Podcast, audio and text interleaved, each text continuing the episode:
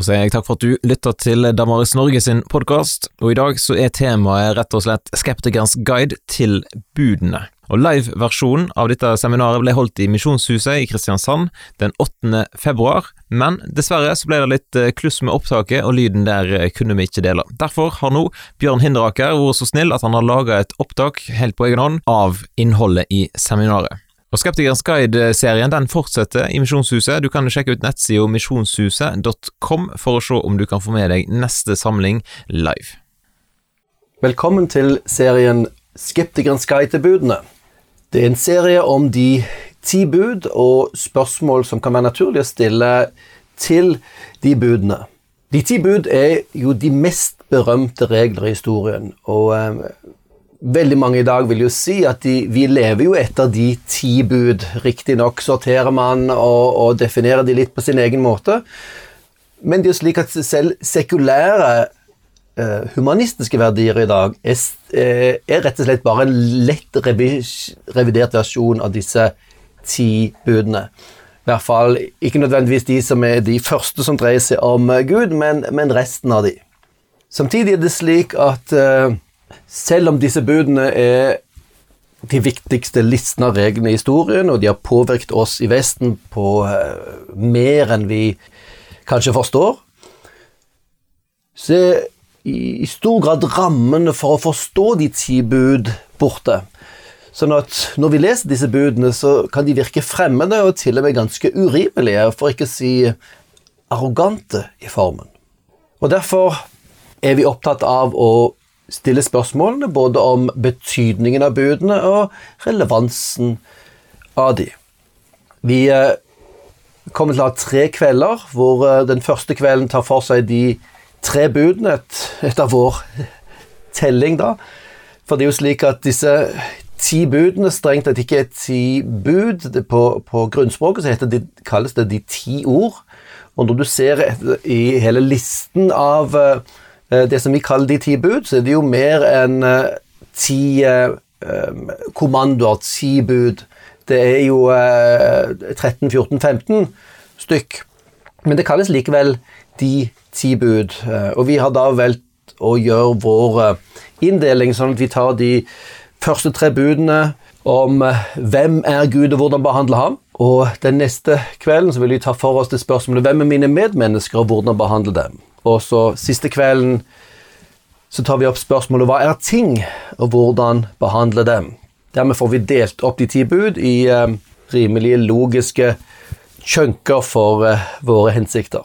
Dere husker muligens også at eh, eh disse ti bud var skrevet på to tavler. Når Moses får disse budene, så var det på to steintavler. Det er mest sannsynlig at, at poenget med dette i den opprinnelige konteksten er at det er da to kopier. Altså Det står de, de, samme budene på hver av disse steintavlene. De ti bud er ikke, ikke veldig mange ord. Eh, så Det er ikke nødvendigvis et poeng at, at, man må ha to tavler for det er så mye skrift her. Men poenget er vel heller at man har to tavler fordi det var to parter i denne pakten. Pakt er en kontrakt mellom to partier, to parter. Den ene er Gud, det andre er folket Israel. Og da, har, da skal ha hver av partene liksom ha én kontrakt. Eh, en, en, av steintavlene. Så det er nok meningen med de to steintavlene som, eh, som opprinnelig var fortellingen at disse var skrevet på. Samtidig så, så er det veldig vanlig i historien seinere å snakke om de to tav, de to tavlene som en inndeling av de ti bud. Og vi kan til og med gå tilbake til, til Jesu oppsummering av hele, det han kaller hele loven. Jo, det er pliktene mot Gud og pliktene mot nesten. Du skal elske Herren er Gud av hele ditt hjerte, og du skal elske nesten som deg selv. Det har vært den vanlige måten å dele inn disse budene på. Selv om det er strengt at de ikke har med de to tavlene, så summerer det veldig fint opp eh, hele essensen av Guds vilje, og også faktisk de ti bud. Og Hvis du ser på eh, denne Jesu oppsummering av de ti bud som vår plikt til å elske Gud av hele vårt hjerte og vår neste som oss selv, så ser vi at um, dette, dette, en utfordring både for det første til den religiøse hykleren, den som sier han elsker Gud, men mishandler sin neste. Denne, dette doble kjærlighetsbud, den eh, fjerner retten til å kunne velge ut Velge bare Gud, og så overse sin neste. På den annen side så, um, så fjerner det også legitimiteten til den moralske agnostikeren, som sier ja, ja, det er greit nok med å, å skulle elske sin neste, men jeg tror jo ikke på Gud, um, så jeg kan ikke ha noen plikter i forhold til det. Men der burde vi kanskje tenke litt uh, ta en runde og tenke litt. Er det slik at hvis de bare ikke tror på en ting, så det ikke lenger, har ikke lenger noen plikt?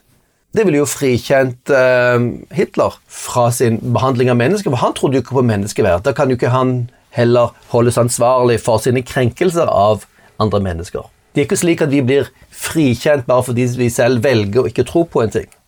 Så vi kan jo si at disse to budene, hvis dette er virkeligheten, så er det faktisk en plikt som pålegger oss alle mennesker, og er like utfordrende for oss alle om vi er religiøse eller ei. La oss nå gå i gang med den første rekken av bud, og vi, vi kaller det 'Hvem er Gud, og hvordan behandler han?' de første tre bud. Og da kan vi jo lese den teksten, hvordan disse eh, Hvordan de ti bud innledes. Og Vi finner dette i eh, Andre Mosebok kapittel 20, som uh, lyder slik Jeg er Herren din Gud, som førte deg ut av Egypt, ut av slavehuset. Du skal ikke ha andre guder enn meg. Du skal ikke lage deg gudebilder, ingen etterligning av noe som er oppe i himmelen, eller nede på jorden, eller i vannet, eller under jorden. Du skal ikke tilbe dem, ikke la deg lokke til å dyrke dem.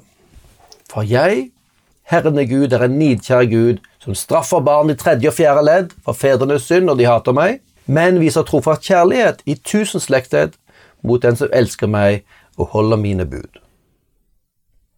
Du skal ikke misbruke Herren ditt Guds navn, for Herren frikjenner ikke den som misbruker hans navn. Dette var de tre første budene, og du kunne gjerne ta det i et lite øyeblikk hvor du tenker gjennom ok, hva slags spørsmål vil være vanlig i møte med denne listen av 'du skal ikke'. Det første spørsmålet som eh, vi vil ta opp her, er Eller den innvendingen er at budene hindrer min frihet. Her får jeg en liste av mange ting som jeg ikke får lov til å gjøre. Ikke, ikke det et problem. Ikke budene noe som hindrer min frihet, altså. Som svar på det kan vi jo si for det første at uh, budene starter jo ikke med 'du skal ikke'.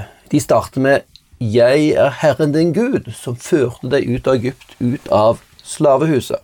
Faktisk er budene mer å forstå som et frihetsmanifest, altså om den Gud som har befridd oss fra en tragisk situasjon, og nå inviterer oss inn til, til å kjenne seg til å leve med ham.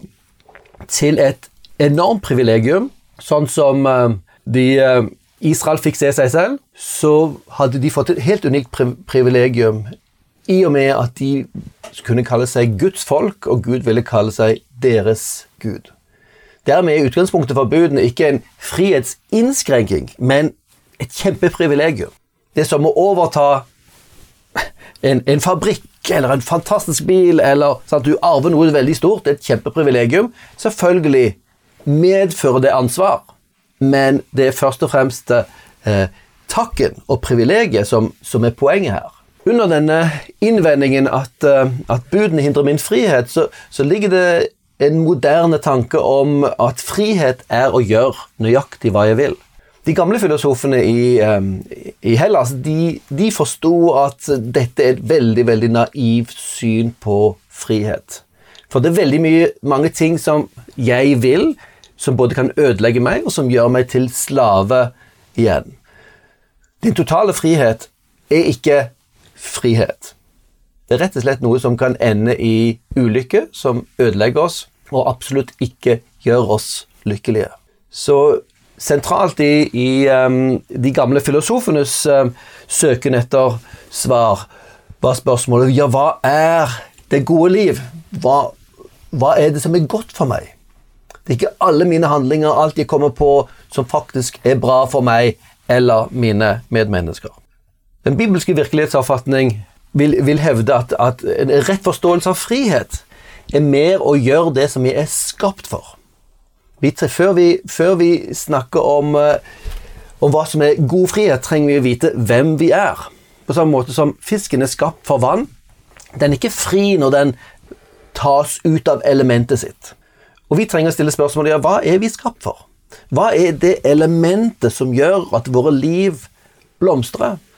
Og hva er det som ødelegger våre liv? Vi kan bruke en annen illustrasjon eh, på dette med et spill, f.eks. fotball. Og det er, det er, eh, det er spillets regler som, som, gjør fotballen både interessant og mulig. Det er liksom den indre logikken i fotballen som gjør fotballen mulig. I det øyeblikket disse reglene forsvinner, ja, da forsvinner faktisk spillet og moroen med det. Og vi kan stille spørsmålet hva er livets logikk?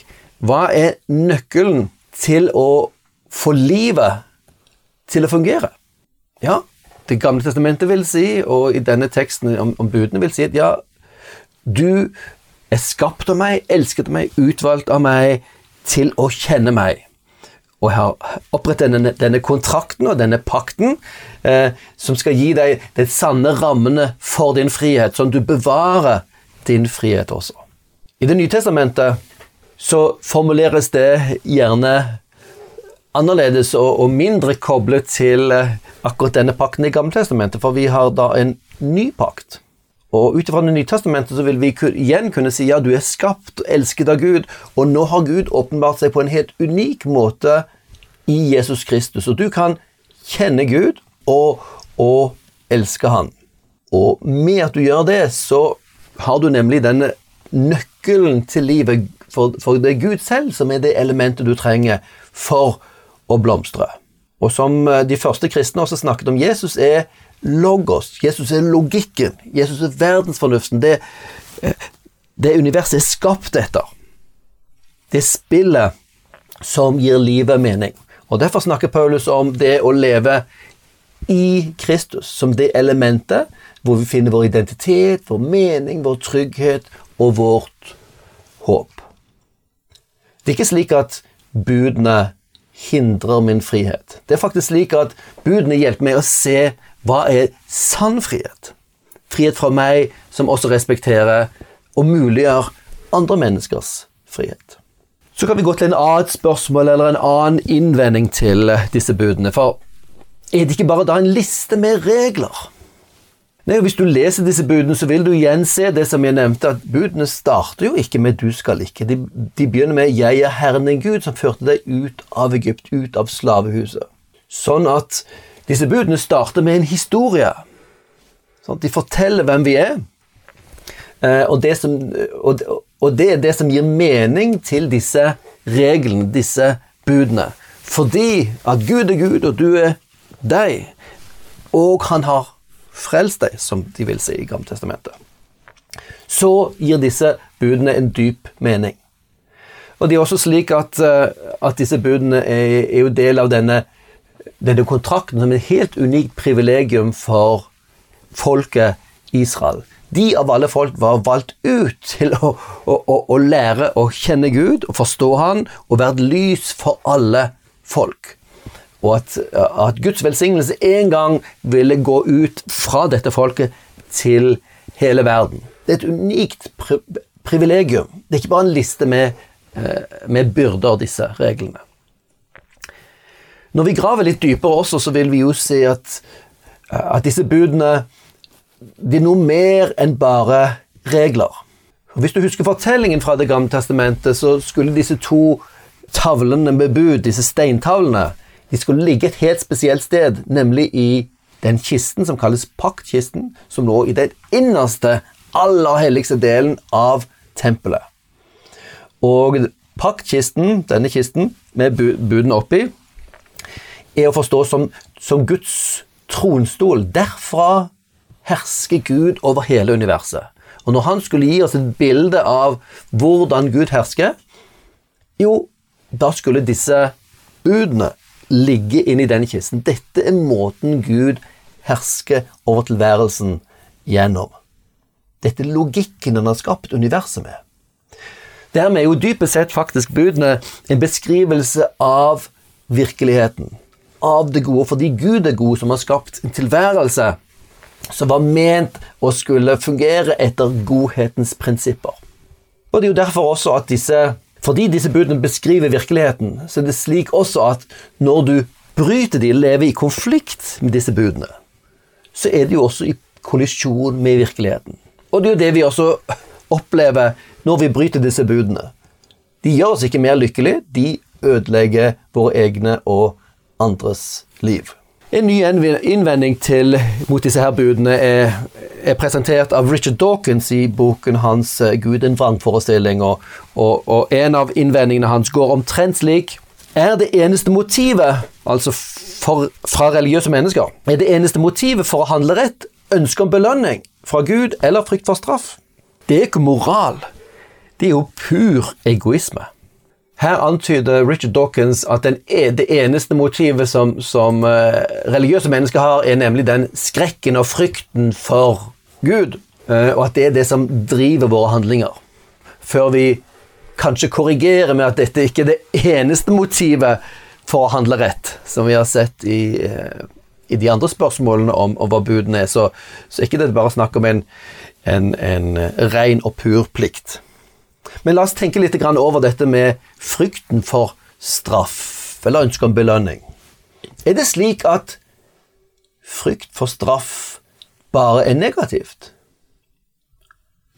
For Hvis jeg skulle tenke om, eh, tenke om vårt eget samfunn, om eh, viktige lover og regler som vi har Hva om vi istedenfor å ha disse kronglete trafikkreglene med straff og bøter. Heller bare forklarte folk at høy hastighet kan skade andre mennesker. Da ville vel ingen av oss kjørt over fartsgrensen. Eller hvor vi forklarte folk at ja, dersom du stjeler, blir noen lei seg, for de mister noe av, av, av det de er glad i.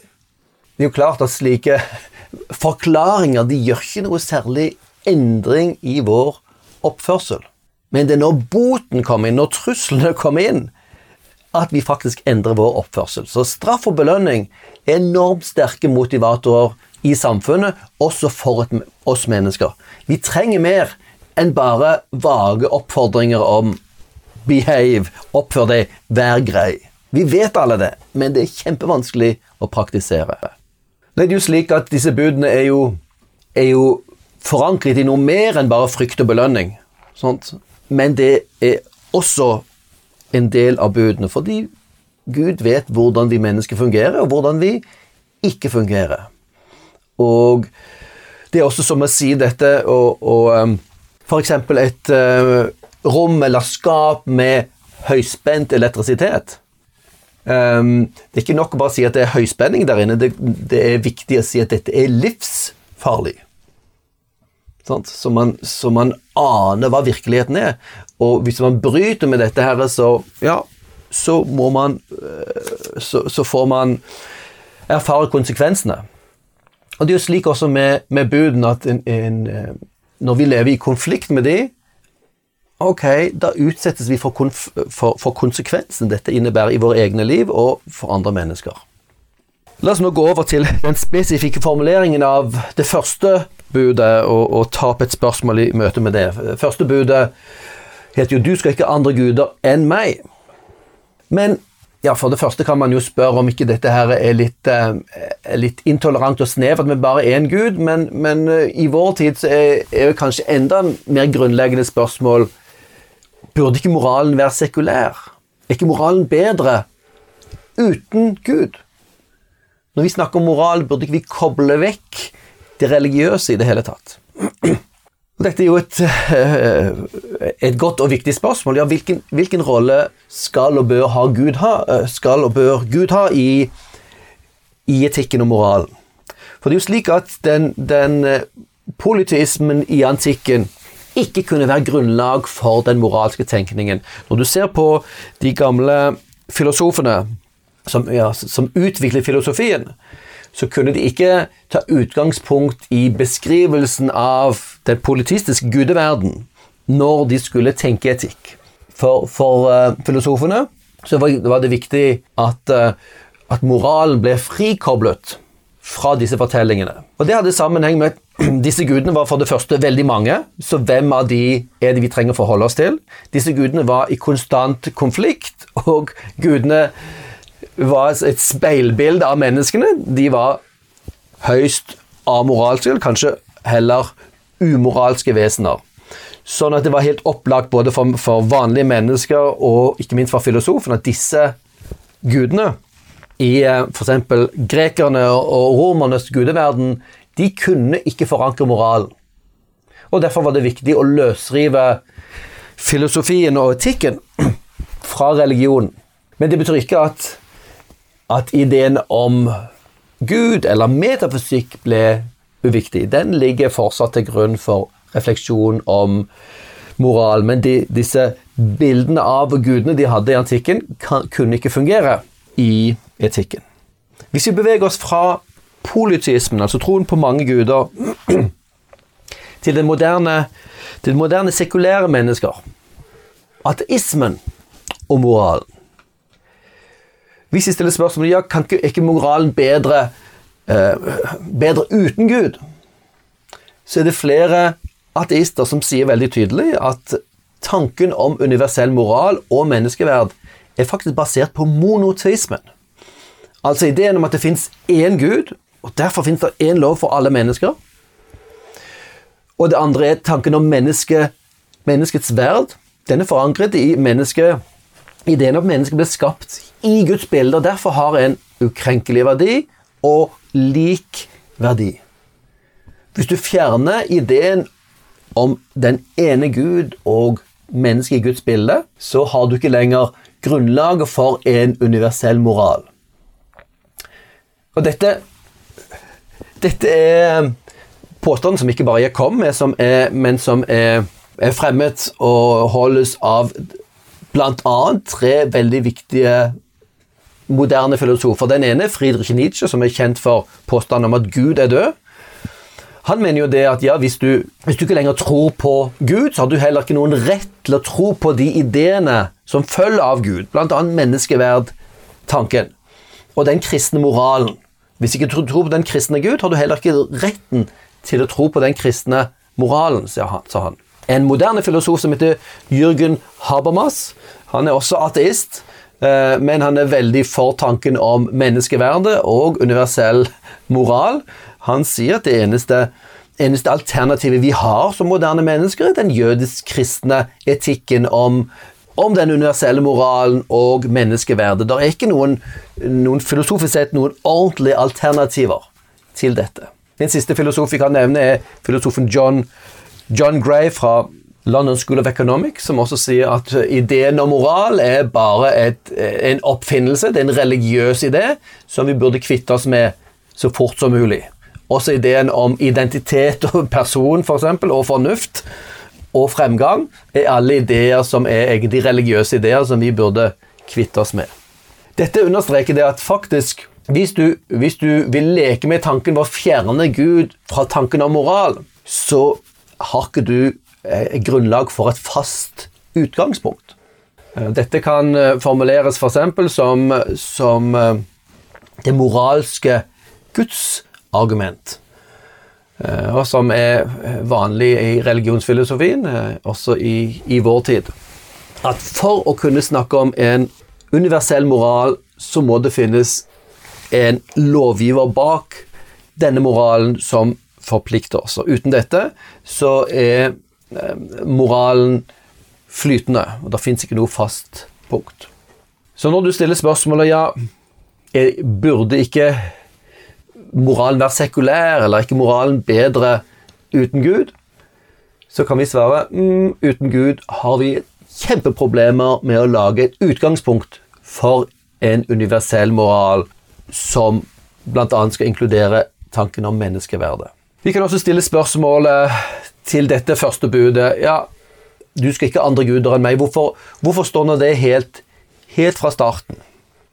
Og dette gir jo mening nå på bakgrunn av det vi allerede har sagt. Fordi at vi trenger faktisk troen på én Gud for å, en, for å forankre tanken om moralen i det hele tatt. Er moralen del av virkeligheten? Ja, det er den hvis denne ene Gud finnes. Og dette er det naturlige også som det første bud, for, for hvis Gud finnes, så burde han være vår første prioritet. Han er jo både livets kilde og, og, og, essensen av det gode, så han er jo det som vi burde elske høyere enn alle andre ting. Og dette budet er også først naturligvis fordi det forankrer alle de andre budene. Så når vi reflekterer på spørsmålene eh, i møte med de ti bud, så ser vi at ja, her er det mange gode spørsmål, men de svarene som moderne, sekulære mennesker har, de er ikke helt opplagte lenger, når du tenker litt grundigere gjennom spørsmålene. Takk for at du lytta deg gjennom dette opptaket. Og hvis du er ute etter flere gode ressurser til denne tematikken, da anbefaler vi boka En tvilers guide til Bibelen, skrevet av John Dixon. Den kan du få kjøpt eksempel på snakkomtro.no. Og setter du pris på podkasten vår, ja, da kan du jo dele den med noen som du tror kan ha nytte av den, eller du kan gå inn på iTunes og skrive en omtale eller gi en vurdering av podkasten. Da kan det være med å bidra til at enda flere får med seg den gode podkasten vår.